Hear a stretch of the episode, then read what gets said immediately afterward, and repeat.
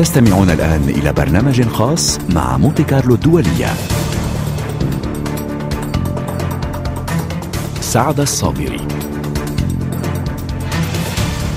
أهلا بكم في هذا البرنامج الخاص الذي نناقش فيه ما حدث في المغرب منذ أن ضرب زلزال منطقة الحوز وما حولها. مرورا بالمساعدات الدولية ورسائل التضامن التي تلقتها المملكة المغربية وصولا إلى عملية البحث المستمر عن الناجين وما تشهده من صعوبات وأسباب رفض المغرب لبعض المساعدات الخارجية المقترحة. وذلك مع مجموعة من الضيوف ويرافقنا على الإخراج كريستوف ابقوا معنا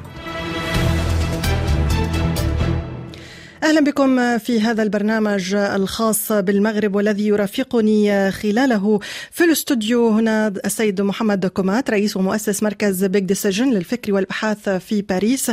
أهلا بك كما أرحب عبر الهاتف بالسيدة لطيفة أجري وهي الكاتبة العامة لاتحاد العمل النسائي في أجادير. وأرحب أيضا بالدكتور موسى مسرور وهو أستاذ الجيولوجيا في جامعة ابن زهر في أجادير. أهلا بكم سينضم إلينا أو سيتابعنا ويتدخل معنا مجموعة من الضيوف طيلة هذا البرنامج. أهلا بالجميع وأبدأ معك سيد محمد كومات. بداية إذا كانت هذه هذا المغرب هذا الزلزال في المغرب هو هزة. فعلا فاجأت الجميع داخل المغرب وخارجه. شكرا على الاستضافة وتحية لجميع المستمعين. أود قبل كل شيء أن أقدم أن أتقدم بأحد التعازي للشعب المغربي كافة على إثر هذه الفاجعة الكارثة الطبيعية. الزلزال بطبيعة الحال دائما يكون مفاجئ. لا يوجد هناك أي تكنولوجيا حاليا مع تقدم العلم. يمكن أن تستشعر الزلزال قبل حدوثه. دائما الزلزال يكون يعني على شكل مفاجأة خصوصا أن تلك المنطقة هي ليست مدرجة يعني طريقة قبلية أنها من المناطق المهددة بالزلازل عكس مثلا مدينة أكادير أو منطقة الريف أو بعض المناطق الأخرى في العالم التي دائما كانت مهددة. لكن قبل ذلك أريد أيضا أن أستغل الأمر من أجل لكي أدين بشدة جريدة لا ليبراسيون حول الكاريكاتير التي قامت بنشره يوم الذي حدث فيه الزلزال مع الأسف أنه في أسلوب الذي يتعمد أسلوب من السخرية إذا أمكن أن توضح للمستمعين لأنه ليس الجميع يتابع الكاريكاتير في الليبراسيون الليبراسيون جريدة أعتبرها شخصيا أنها تنتمي لليسار المتطرف يعني ما قاموا به هو كاريكاتير يعني في في يعني في شخص الملك. وكأنه لم يحس بالزلزال وأن هناك سخرية أيضا من قبل الضحايا الذين توفوا في هذا طيب. الزلزال هذه النقطة سنعود هذه مسألة غير يعني طيب. هذه السخرية بهذه الطريقة غير مقبولة طبعا رأيك يحترم ولكن سنعود لهذه النقطة تحديدا في ملف في محور المساعدات الذي نعم. سنناقشه خلال هذه الحلقة ولكن لنبقى في بدايات الزلزال وأذهب إلى الدكتور موسى مسرور وهو أستاذ الجيولوجيا في جامعة بن زهر في أكادير قال ضيفي هنا في الاستوديو أنه الزلزال دائما يحدث بشكل مفاجئ ويصعب التكهن به رغم أن المنطقة شهدت زلزالا قبل عقود. آه السلام عليكم. اولا شكرا للاستضافة. آه ونبدأ بالترحم عن آه ارواح من فقدناهم في هذا في هذا المصاب ونتمنى الشفاء العاجل للجرحى. بغيت نوضح واحد الحاجة هنايا أنه هنايا أنا التدخل ديالي هنايا علمي محض بالضبط وهذا ما نريد أن نسمعه أيضا. نعم. alors بالنسبة لهذه المنطقة هذه فإلا خدينا المغرب كامل فهو متواجد ما بين يعني واحد الفالق كبير اللي هو تسمى la faille sud-atlantique وكذلك فالق آخر يمر عبر جبل طارق. وهذه المنطقة هذه كلها يعني فيها المغرب والجزائر وجزء من من من تونس. ويمكن القول بأن حول البحر المتوسط كله يعني جاء في تلاقي صفيحتين هي الصفيحة الإفريقية والصفيحة الأورو آسيوية نعم. وكما تعلمون فالأرض متكونة مكونة من طبقات والطبقة الأخيرة اللي هي القشرة الأرضية التي تسمى الليتوسفير فهي تسبح تسبح فوق طبقة لزجة يعني الحركة دائمة. حركه حركة السطائح كانت ملايين السنين وسوف تستمر. يعني أن الزلازل سوف تستمر. هذا ما يجب أن نفهمه أنه الزلازل سوف ت... لكن لا يمكن التكهن بموعدها. لا لا ممكن. اللي ممكن الآن علميا هو تحديد مناطق اللي هي مهدده بالزلازل فالمفاجأة اللي كانت هنا فعلا أن هذه المنطقة ما كانش عندها أن هيستوريك ولكن إلا شفتوا إلى إلى إلى شفنا الخريطة الجيولوجية ديال هذه المنطقة هذه بالضبط ترى فيها فوارق فيها فوارق وفيها وهي هي منطقة جبلية. وجبال الأطلس راهي تكونت من من يعني لا كومبريسيون اللي حتى في, في, في واحد الفترة اللي هي تتسمى الحقبه الثالثة من تما بدأت تتكون جبال الأطلس. يعني يعني جبال الأطلس تكونت عن طريق يعني ضغط. والضغط مازال مستمر. لكن منطقة أكادير تعرضت في الستينات لزلزال. نعم. يعني في 1960 كان زلزال في أكادير كانت الشدة ديالو ما بين 5.5 و 6 خلف 12000 قتيل. وكذلك في 2004 كان زلزال في المنطقة الشمالية في الحسيمة. كان الشدة ديالو 6.4 نعم. يعني وكانت زلازل أخرى في الجزائر و... يعني هذه المنطقة كلها مهددة. كلها مهددة. نعم. يعني هذه الحر... لأن الحركات التكتونية ف... يعني الصفيحة الأفريقية تقترب وتنغمس واضح. يعني تحت الصفيحة الأوراسيوية. يعني طيب إذا آه الذي الذي يمكن نعم. أن نفهمه هو أنه هي مناطق يمكن أن نعلم ما هي المناطق المعرضة ولكن لا يمكن أن تتكهن بموعد تعرضها للزلازل. طيب دكتور موسى ابقى معي. سأعود إليك لأن هناك تساؤلات أخرى حول هذا الموضوع علمية أيضا سنطرحها عليك. ولكن نذهب إلى السيدة لطيفة إجري وهي الكاتبة العامة لاتحاد العمل النسائي في أكادير هنا دائما في أي مصاب جائحة أزمة زلزال انهيارات مخاطرات أو كوارث طبيعية بشكل عام. يتم الحديث عن أن آه، الأكثر تعرضا أو ربما الخسائر الأكثر هي في الفئات الهشة كبار السن النساء الأطفال. هذه المرة هل آه، ما زال الوقت مبكرا لحصر آه، أو تصنيف الضحايا؟ شكرا سيدتي بالفعل كما قال الدكتور من جامعة ابن زهر آه، من الصعب التكهن بالزلازل ولكن المفاجئ أن يقع في منطقة لم تكن في الحسبان وهي منطقة الحوز ويعني جبال الأطلس الكبير حيث هناك نقاط لتجمعات سكنية رغم صغارها وتشتتها إلا أنها تضم ساكنة. الساكنه معروفه بأن أغلب الرجال يهاجرون نحو المدن الكبرى للعمل والاشتغال والشباب كذلك. يعني فئه نشطه تتحرك. تبقى هناك في غالب الأحيان النساء والأطفال والعجزة وبالتالي أكثر الضحايا في انتظار النتائج أو المعطيات النهائية. يعني النساء والأطفال يعني وكبار السن. آه، للأسف هناك رضع كثر الذين بقوا آه، على قيد الحياة. للأسف آه، فقد عدد كبير منهم فقدوا أبويهم أو فقدوا إما الأب أو الأم نساء حوامل. الآن محاصرات مصابين بكسور يعني متفاوتة الخطورة الصعوبة أين تكون سيدتي ليس في في إيصال المعونات والدعم. الحمد لله هناك تعبئة آه، يعني منقطعة النظير من المجتمع المغربي وهو مجتمع آه، معروف بهذه الأعراف التي توارثناها وهي أنه في مثل هذه النكبات هناك دائما إجماع دائما هناك تعاون هناك في حتى في الإعراف المحلية على مستوى نعم. آه، منطقة اكادير والجهة يعني للتضامن في مثل هذه الظروف لكن للأسف آه، صعوبة التضاريس آه، وعورة المسالك انهيارات الجبلية التي وقعت الأحجار الكبيرة التي تساقطت وسدت أغلب الطرق والمنافذ جعلت المجتمع المدني الذي بادر بتقديم المساعدة والسلطات المحلية في مشكل كبير حتى المروحيات التي تريد أن آه، أن تصل إلى المنطقة لا زالت المنطقة نشطة هناك بين الفينه والأخرى هزات ارتداديات خفيفة وبالتالي آه، ليس الأمر متعلق بعدم نعم. وصول هذه الإعانات ولكن للأسف الظروف الطبيعية الآن ليست مشجعة من أجل الوصول لبعض المناطق الجد بعيدة والتي تعيش نعم. عزلة طيب. قاسية الآن. ابقي معي سيدة لطيفة أرحب أيضا بسيد أشرف الطريبق وهو الكاتب ورئيس جمعية قطار الحياة المغربية.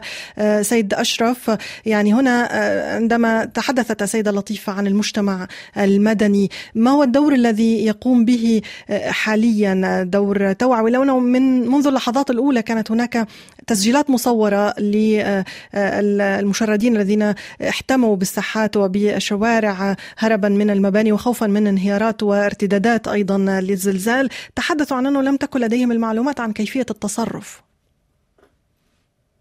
نعم يعني بعد تقديم تعازي لأسر المغاربة المكلومة في أبنائها وأمهاتها وآبائها يعني في الحقيقة كان دور المجتمع المدني دورا أساسيا لأنه استجاب منذ اللحظات الأولى على اعتبار أنه من خصائص المجتمع المغربي أن يكون متضامنا أن يهب لنجدة أخيه أن يحاول ما أمكن يعني آه، فك العزلة عن كل من وقعوا ضحايا في هذا الزلزال الرهيب.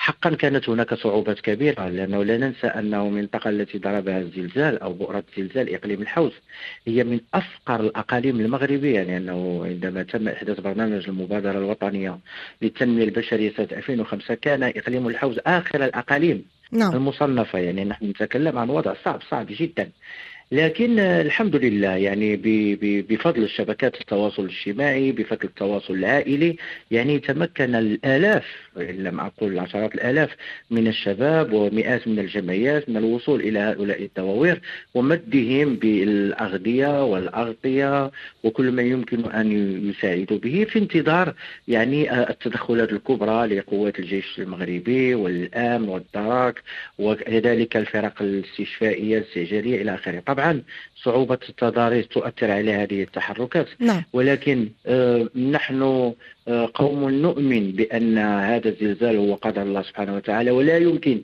كما قال الإخوة يعني بأي شكل من الأشكال أن نتنبأ به ولكن الدروس والعبر هي هذه أشكال التضامن التي يجب أن لا يتخلى عنها المجتمع المغربي نهائيا نعم. وأنا أتمنى وهي دعوة من المجتمع المدني على أن تستمر هذه المبادرات من شمال المغرب من طنجة إلى جنوبه بالداخلة والكويرة أن تستمر حتى يعني بعد آه، نجدة وإنقاذ كل ما يمكن إنقاذه واضح. والتدخل في كل هذه المناطق على اعتبار أن كل المغرب يستحق منا هبة رجل واحد من أجل إنقاذ ما يمكن إنقاذه ابقى معي سيد أشرف آه، سيد محمد كومات. إذا وافقك آه، الدكتور موسى آه، مسرور حول قضية أنه لا يمكن التنبؤ وإن كان من الممكن معرفة المناطق المهددة بالزلازل. في عندما حدث زلزال في سوريا وفي تركيا كان هناك حديث عن أن لماذا المناطق التي هي معروف أنها مهددة لا يتم الاهتمام بمعايير البناء فيها وما إلى ذلك. هل هذا الملف مطروح أيضا وهذه النقطة مطروحة اليوم في المغرب؟ في نظري الشخصي المشكل حاليا في المغرب وبالضبط ما يحدث بالضبط في منطقة الحوز التي هي أكثر يعني 90% تضررا من هذا الزلزال بحيث أن 90% من عدد الوفيات هي في تلك المنطقة وليست يعني في في مدينة مراكش بالضبط يعني في في القرى الفقيرة حقيقة الأمر أن هذه المناطق وهذه القرى البعيدة كانت منكوبة أصلا قبل الزلزال يعني الدولة والحكومات المغربية المتعاقبة لم تهتم بتنمية تلك المناطق آه، مناطق آه، مع الأسف فقيرة تفتقد ل يعني مسائل بسيطة لضمان العيش الكريم مثل الماء الصالح للشرب، الكهرباء، مستشفيات، الطرق المعبدة، الآن آه، حاليا يصعب إيصال المساعدات لتلك المناطق بسبب هذه المشاكل وليس بسبب الزلزال. الزلزال طبيعة الحال هو قدر الله يعني كارثة طبيعية لكن لو كانت البنية التحتية يعني موجودة بشكل سليم لكان لكان لكانت الأمور أكثر سلاسة على مستوى الإنقاذ وعلى مستوى إيصال المساعدات، هذه المناطق كانت أصلا منكوبة حتى قبل الزلزال، والآن أصبح الوضع آه، أصعب بكثير.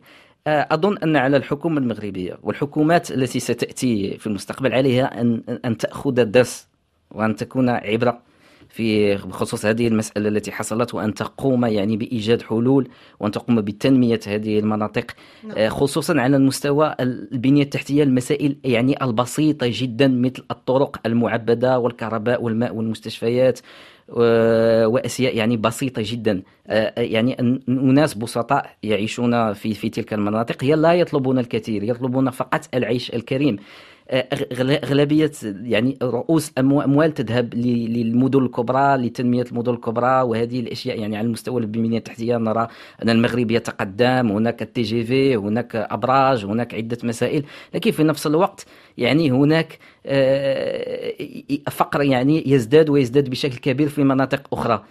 هذا هو المشكل. حول هذه النقطة آه، تحديدا حول هذه النقطة أذهب إلى آه، الدكتور موسى آه، مسرور أستاذ الجيولوجيا في جامعة ابن زهر في أكادير وأسألك لكي لا نؤخرك كثيرا في هذه الحلقة حول يعني سبل هل هناك وفق علماء الجيولوجيا والمتخصصين في الزلازل معايير محددة لما لكيفية البناء وما الذي يمكن أن يتم التصريح به؟ به من مباني في مناطق معرضة للزلازل. نعم نعم.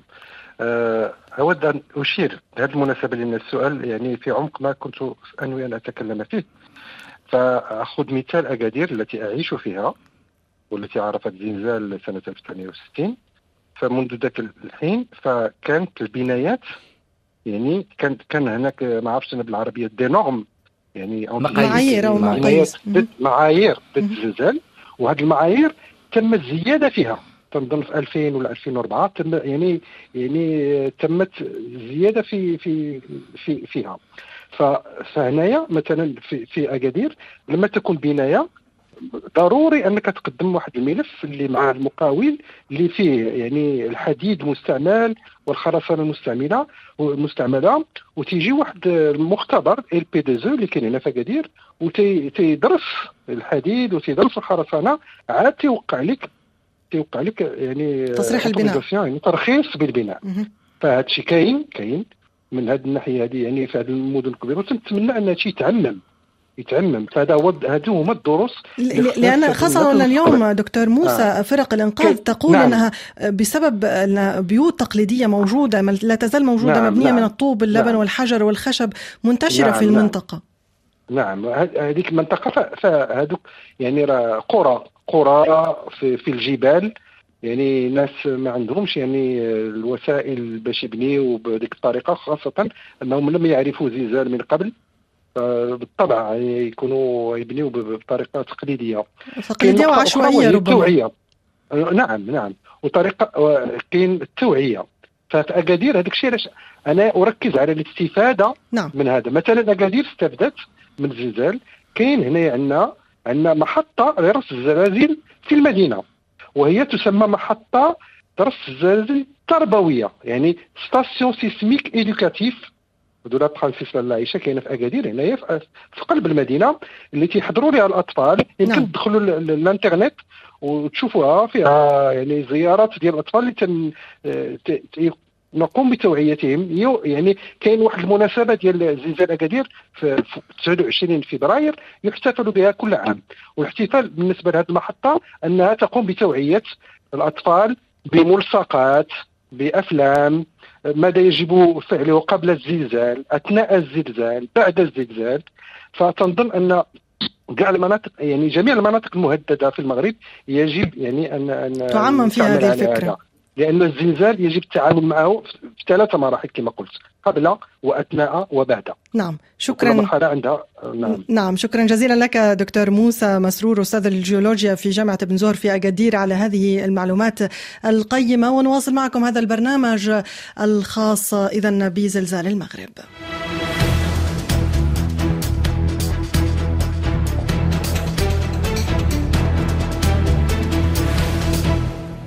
إذا في هذا البرنامج محاورنا عديدة نحاول أن نلخصها في وقت قصير ربما يعني قصر هذه الثواني التي حدث فيها الزلزال وأحدث كل هذه الأضرار الجسيمة.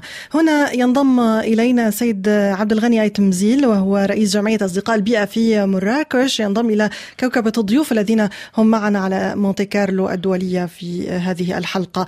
سيد عبد الغني تحدثنا عن دور المجتمع المدني وتحدث قبل قليل الدكتور موسى عن أهمية التوعية. أنتم كجمعيات أصدقاء للبيئة في أكادير هناك حملات توعية لأنها عاشت الزلزال. هل في مراكش هناك أيضا فكرة مماثلة؟ السلام عليكم ورحمة الله. نعم سيدتي في مراكش كذلك يعني فعاليات الجمعوية والمجتمع المدني لبنة أساسية في يعني في مد يد المساعدة مع السلطات التي تقوم المدنية والعسكرية ويعني الصحية.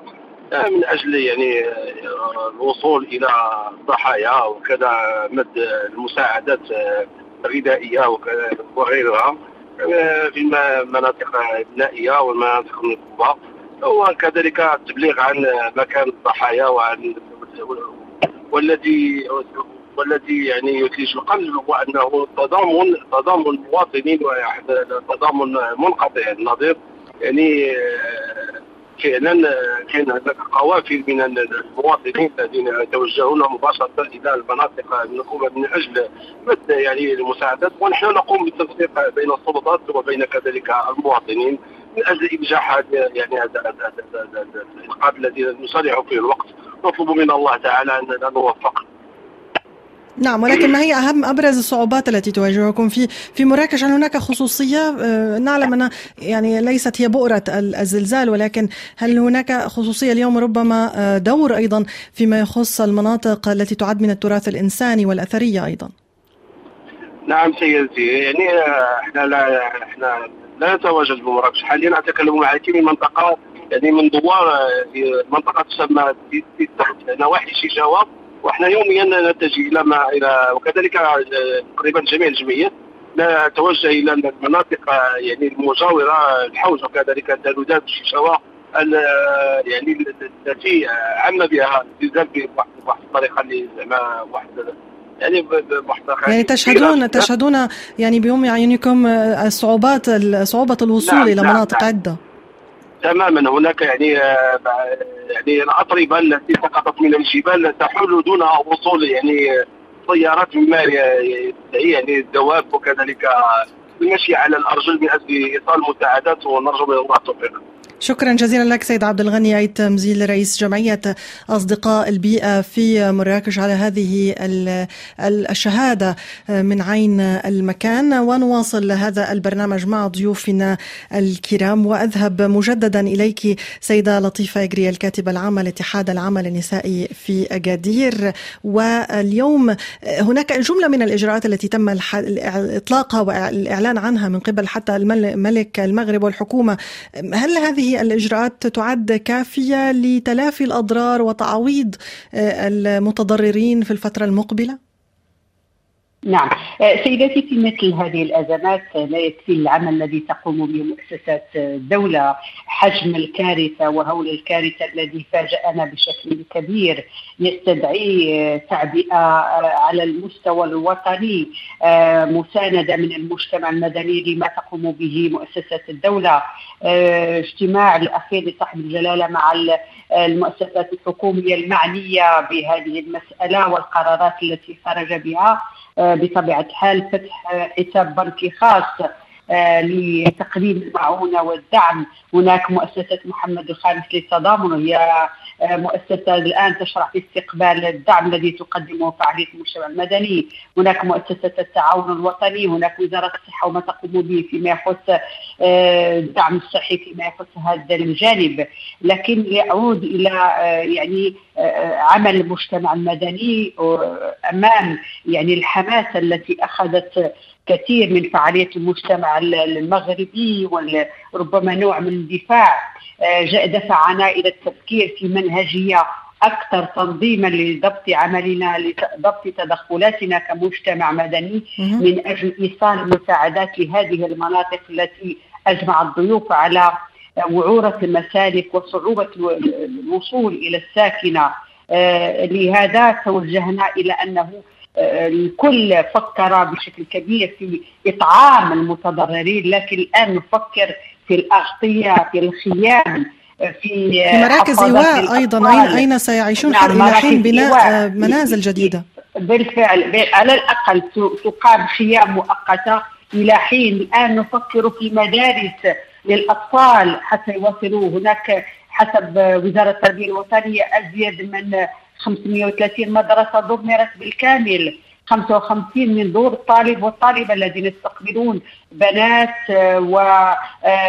وشباب هذه القرى اللي تابعوا دراستهم.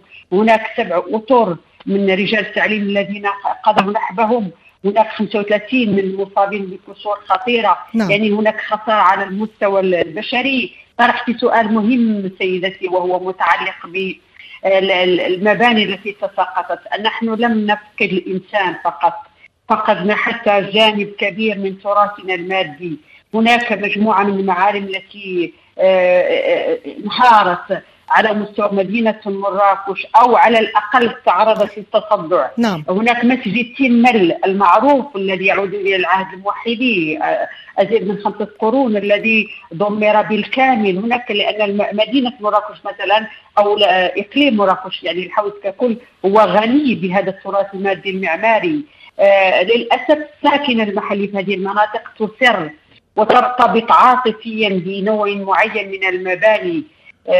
وبالتالي حان الوقت آه، أن تعي الساكنة المحلية بأن هذا الشكل من المباني لم يعد صالحا للمنطقة لأنها صنفت الآن من المناطق الأكثر آه، تعرضا نعم. للزلازل والكوارث الطبيعية نعم. نقطة مهمة كذلك النساء النساء أكثر تضررا في هذه الظرفية بالخصوص نساء الحوامل الأطفال يعني الرضع يعني الأشخاص اللي تعرضوا للقصور الآن أجل لأن أي ربما آه، حركة من آه، لضحية من الضحايا يعني تعرض كسر في الظهر ديالو ممكن تؤدي إلى شلل وإعاقة مستمرة يعني صعوبات صعوبات كثيرة والآن المجتمع المدني يفكر في الدعم النفسي نعم. مسألة جد مهمة طيب. بالنسبة للناجين آه، وضحايا الزلزال سأعود لنقاط أكثر معك في هذه آه، في هذا في هذه الجزئية تحديدا. ابقي معي سيدة لطيفة إجري. ولكن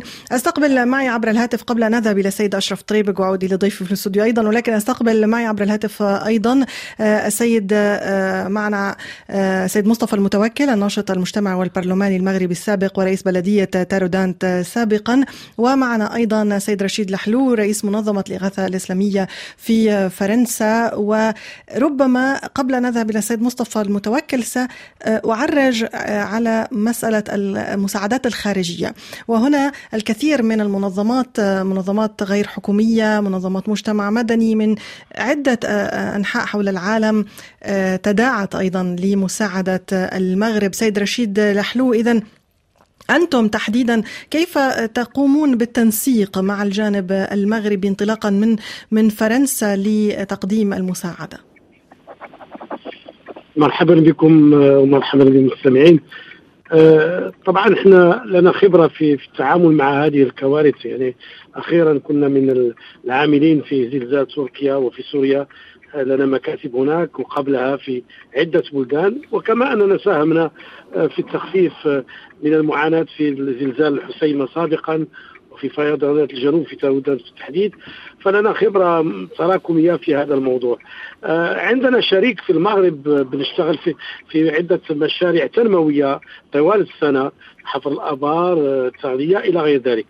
آه فأنا متواجد آه، عطلة في المغرب ولكن مجرد سماع الخبر صرت آه، الفاعل في العمل الخيري الإنساني وبدأت أنسق مع الفريق المغربي والفريق الذي دعمنا من مكتبنا في فرنسا. طبعا تفاعل آه، الجالية المسلمة في فرنسا وخصوصا المغربية شيء منقطع النظير. وهذا يعني يعطي الصورة الحقيقية للتفاعل داخل الوطن داخل المغرب كما تحدثت السيدة قبل قليل يعني شيء منقطع النظير تفاعل الناس وتقديم المساعدة الأولية من غذاء من لباس لأنه لا, لا ننسى أن الناس فقدوا غذاء ولباس وحتى التبرع بالدم جمال دبوز نعم, نعم. الممثل المغربي الفرنسي. نعم. نعم. تماما. ما رأينا من طوابير اللي تضرب بالدم شيء شيء لم أراه من قبل. كذلك أريد يعني أشير أنه الأسر فقدت كل شيء. إحنا نتحدث عن الأكل صحيح. الناس تحتاج إلى أكل بس ليس ليوم واحد. نعم. إحنا ندعو الناس أنه ينسقوا مع السلطات للمجيء بالأغذية التي تستمر لمدة أسبوع أسبوعين. آه نفكر كذلك في توزيع وسائل طبخ كما قلت كل شيء ضاعت. بالإضافة إلى الأفرشة إلى الأغطية إلى الخيام. لكن الأطفال يحتاجون إلى آه، حفاضات مثلا بالنسبة للرضع. الناس فقدت أحذية فقدت لباس.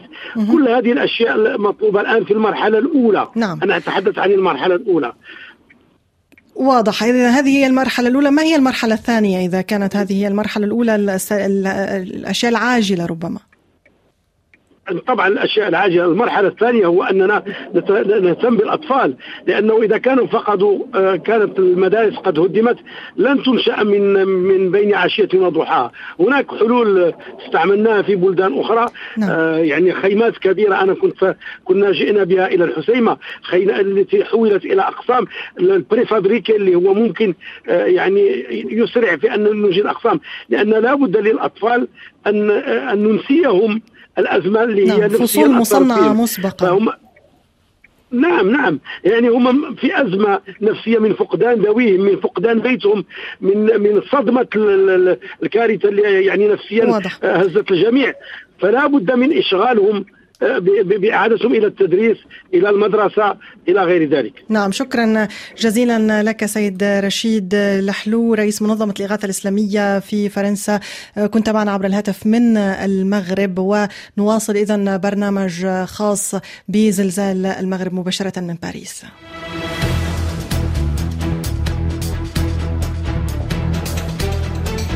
سعد الصابري.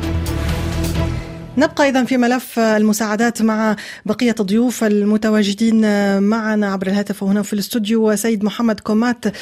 ربما عند نقطة لأننا تحدثنا بدأنا بالتحدث عن المساعدات القادمة من الخارج. هناك منظمات وعدتها فرنسا عبر وزارة الخارجية بتقديم مساعدات. لكن المساعدة الرسمية الفرنسية الحكومية تظل محل جدل. لماذا؟ أوكي. أه أريد أن أوضح أشياء مهمة بخصوص هذا الأمر. أول شيء أه المغرب منذ وقوع الزلزال بالضبط لم يقم بأي نداء استغاثة ولم يطلب من أي دولة أن تقدم له المساعدة. فقط هي الدول صديقة المغرب حوالي 60 دولة في العالم هي التي اقترحت مساعدات. مساعدات على شكل إنساني أو مساعدات على شكل ميداني.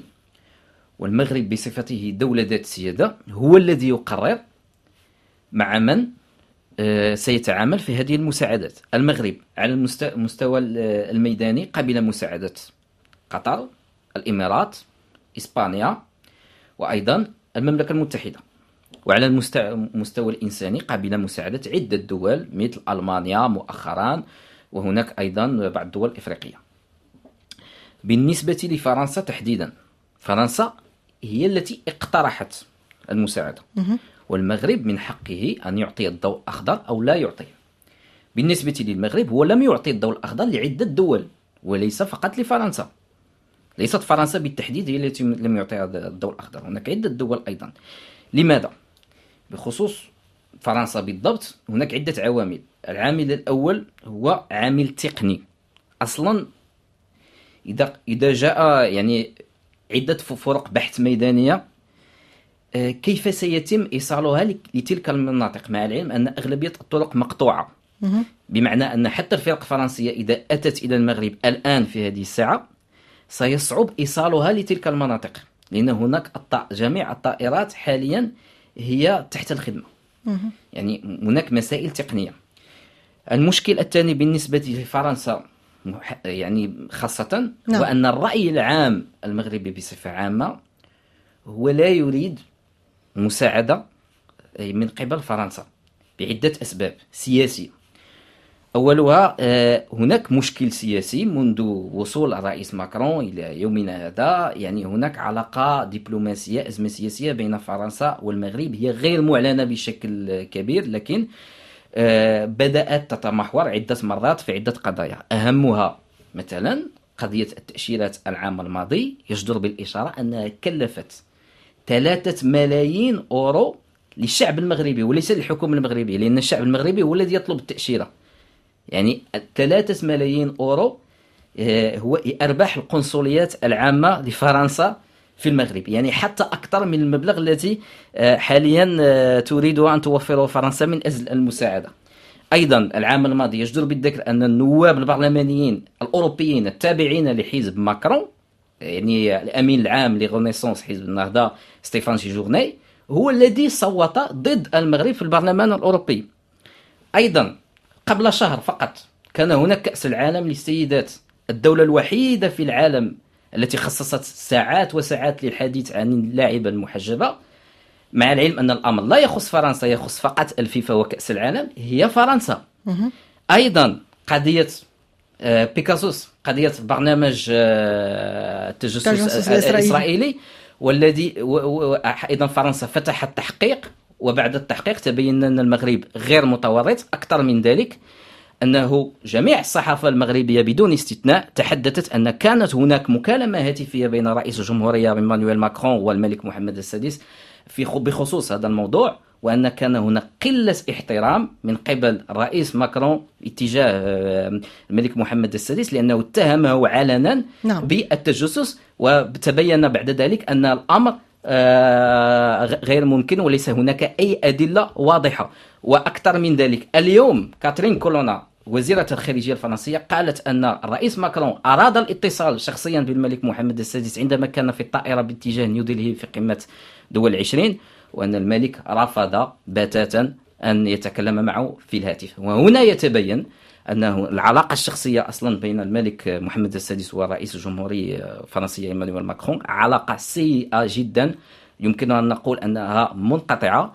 وأن العلاقات الدبلوماسية نعم. بين البلدين وأيضا أجدر بالذكر قضية الصحراء قضية الصحراء المغربية أن فرنسا طلب منها عدة مرات أن توضح موقفها كما فعلت إسبانيا وكما فعلت الولايات المتحدة الأمريكية وعدة دول إفريقية وعربية وأنها ما زالت على نفس الموقف آه الذي يمكن أن نقول أنه متذبذب وذو حياد سلبي اتجاه المغرب طيب. وأريد أن أقول شيء أخير أن الدول التي آه، حاليا في الميدان التي تساعد المغرب هي الدول التي تتعاون سياسيا مع مع مع المغرب في خصوص قضية الصحراء مثل إسبانيا إنجلترا ألمانيا وغيرها من الدول. طيب هل هل يمكن آه، سيد أشرف الطريبي الكاتب ورئيس جمعية قطار الحياة المغربية هل يمكن لهذه الأسباب السياسية والخلافات السياسية أن تقف آه، وتحول دون الوصول أو القبول بمساعدات حكومية فرنسية في ملف إنساني كالزلزال؟ وللأسف آه، العلاقات الدولية هي علاقات غير مستقرة. أنا شخصيا كنت أتمنى آه، من خلال هذا الحادث آه، المؤلم أن تعود العلاقات المغربية الفرنسية إلى مجاريها وأيضا العلاقات المغربية الجزائرية والعلاقات المغرب مع كل الدول التي يمكن أن يكون بينها شنآن سواء حول قضية الصحراء المغربية أو قضايا أخرى.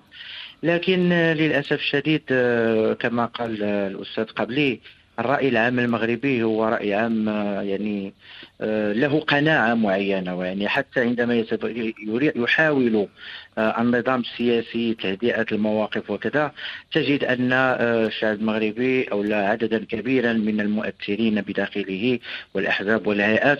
هم يرفضون هذه المحاولات ويتهمون دائما البلدان الأخرى بالعداء أو بمحاولة التهجم أو بإعادة الاستعمار أو ألفاظ من ذلك.